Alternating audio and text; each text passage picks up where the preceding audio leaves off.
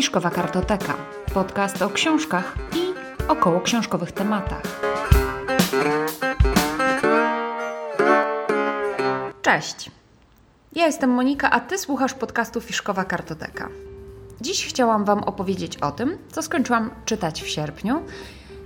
I będzie to lista z pewnym powrotem do dzieciństwa. Będzie jedna książka, którą czytałam ponad rok. Będzie jeden audiobook. Będzie też fantastyczna książka o Ameryce.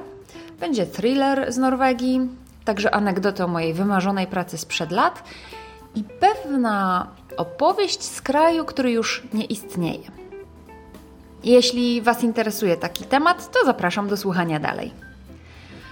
W sierpniu skończyłam czytać, jak się okazało, siedem pozycji, chociaż na początku napisałam, że cztery książki w notatkach do tego odcinka, ale później jakoś się doliczyłam, że było tego troszkę więcej. W tym wszystkim wysłuchałam jednego audiobooka i porzuciłam czytanie jednej książki.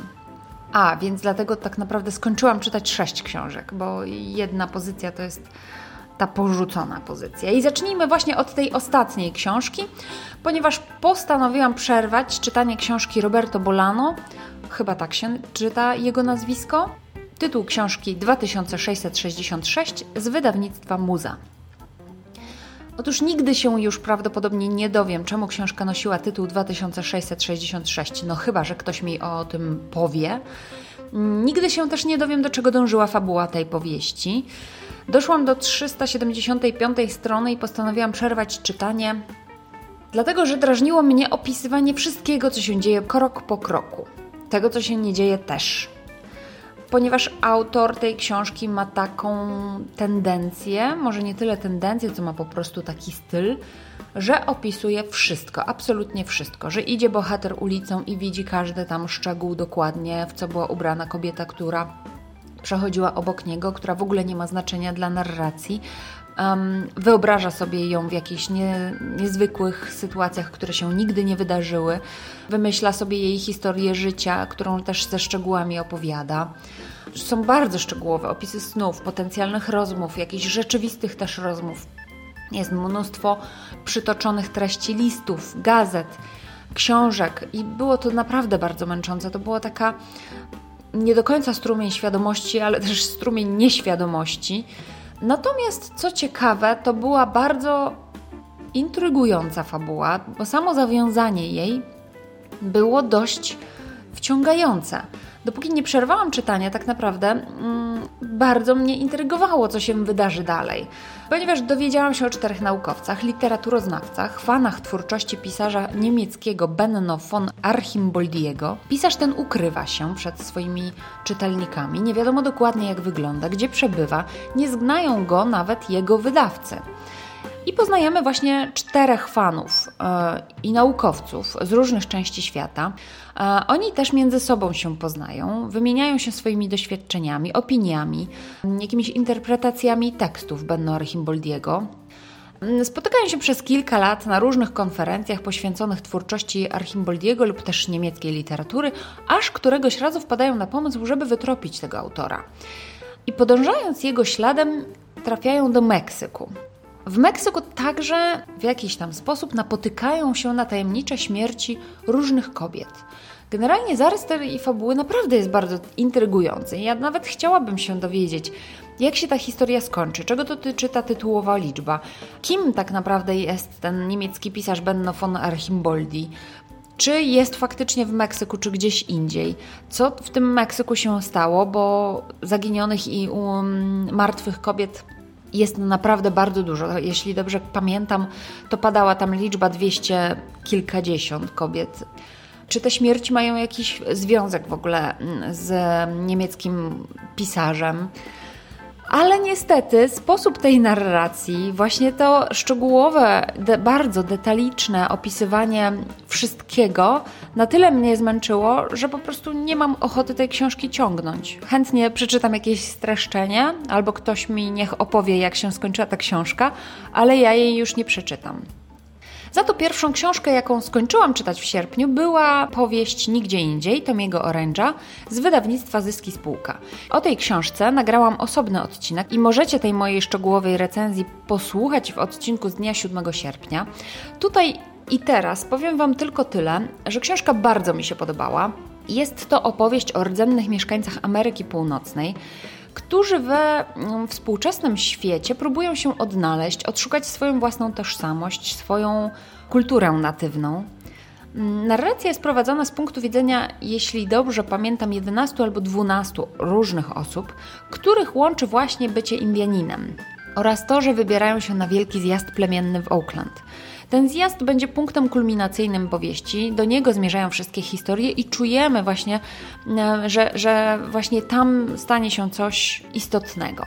W tych wszystkich opowieściach poznajemy los rdzennych Amerykanów, poznajemy coś, czego tak naprawdę na co dzień się mm, nie widzi, nie słyszy, o czym nie dowiadujemy się.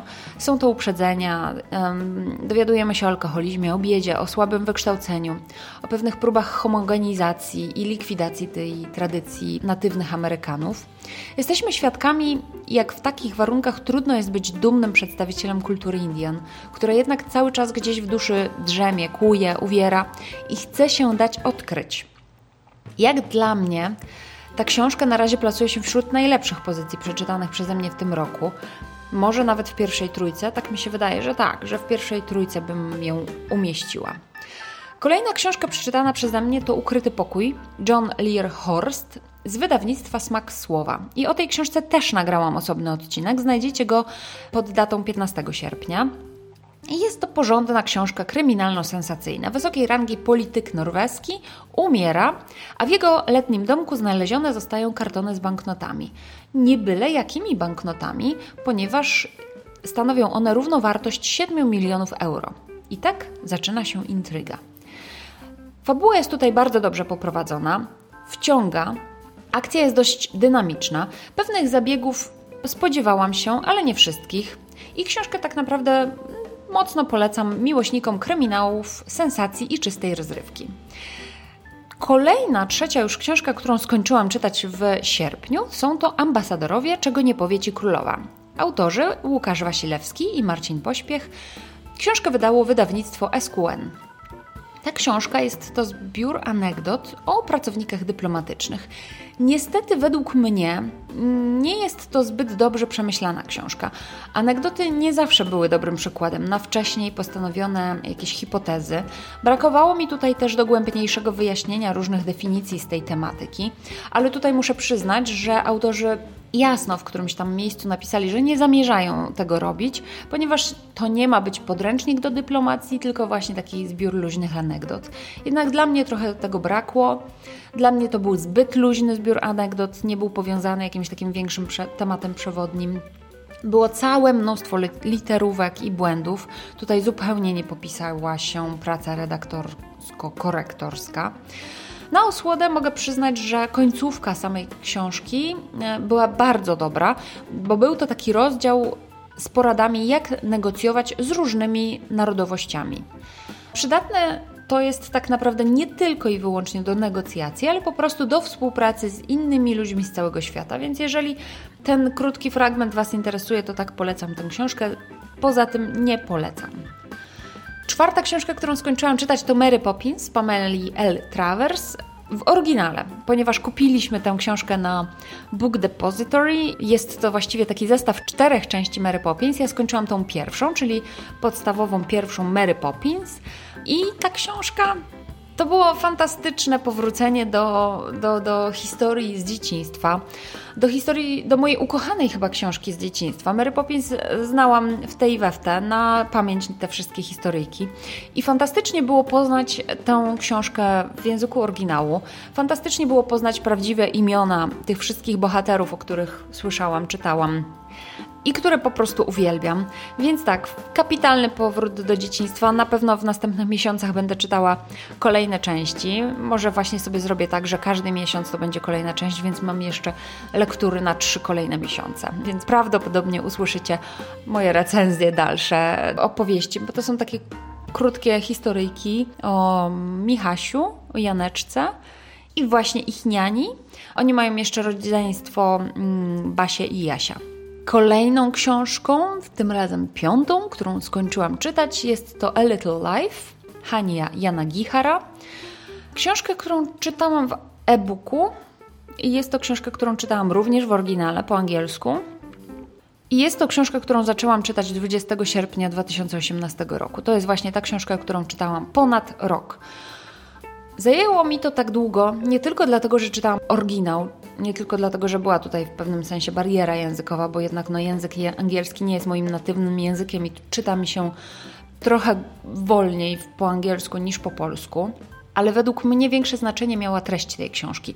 Jest to opowieść całego życia czwórki przyjaciół, czterech mężczyzn E, mniej więcej od lat młodości, odkąd mieli 20 lat, do dojrzałości, czyli do kiedy mieli około 50-60 lat. Jeden z nich zostaje architektem, jeden prawnikiem, jeden sławnym malarzem, a inny sławnym aktorem, więc pieniędzy im nie brakuje na pewno, więc tutaj wszyscy żyją w Nowym Jorku na bardzo wysokim poziomie. Ich losy zupełnie mnie nie zaangażowały. Nie miałam ochoty ich śledzić, dowiedzieć się, co będzie dalej, także tak naprawdę czytałam po kilka, kilkanaście stron i książkę po prostu odkładałam, bo inne wydawały mi się zdecydowanie ciekawsze, inne po prostu były dla mnie ciekawsze.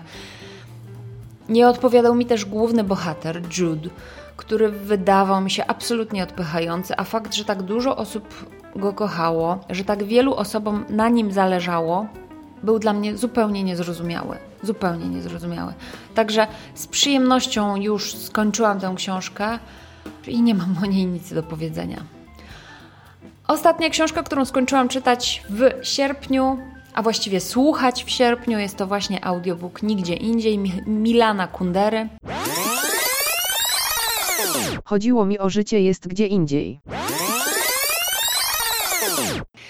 Jest to historia życia pewnego czeskiego poety w komunistycznej Czechosłowacji i muszę przyznać, że takiego antybohatera już dawno nie pamiętam w literaturze. Nie, dawno nie pamiętam, żeby kiedykolwiek czytała o tak antypatycznym podmiocie literackim jakiejkolwiek książki. Jaromil jest tak nieznośną postacią, jest tak niedojrzały, kapryśny, domagający się atencji, że życzyłam mu tak naprawdę w tej książce jak najgorzej. Mm, dużą rolę tutaj odgrywa też jego matka oraz ich relacja. Matka była równie szujowata i niemiła jak jej, jej syn. I generalnie mam wrażenie, że bohaterowie tej książki, wszyscy, nie tylko matka i syn, odgrywają tutaj jakieś role, jakby grali na scenie, ale grają w tak wyjątkowo manieryczny sposób, że to się wcale nieprzyjemnie mi czytało, e, słuchało właściwie, przepraszam. Ale muszę przyznać, że dla języka tę książkę bardzo polecam, bo są tutaj przepiękne sformułowania. E, są tutaj zaskakujące zbitki słowne. Gdybym czytała tę książkę w formie papierowej, to na pewno zrobiłabym całe mnóstwo zakładek i wypisywałabym sobie całe naręcza cytatów, bo jest to naprawdę bardzo bogate źródło dobrych cytatów. Poza tym z książki Milana, Milana Kundery można się dowiedzieć, jak komunizm potrafił ludziom namieszać w głowach i to jest coś wartościowego. Także tak, Milana Kundera polecam.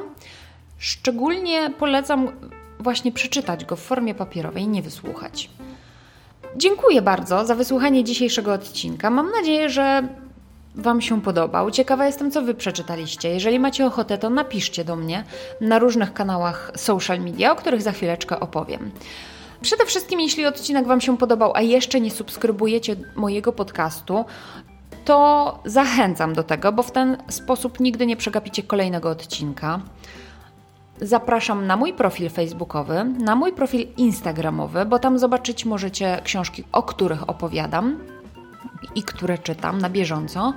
I tam możecie też mnie skomentować, napisać, czy odcinek Wam się podobał, czy nie, i do tego też serdecznie zachęcam.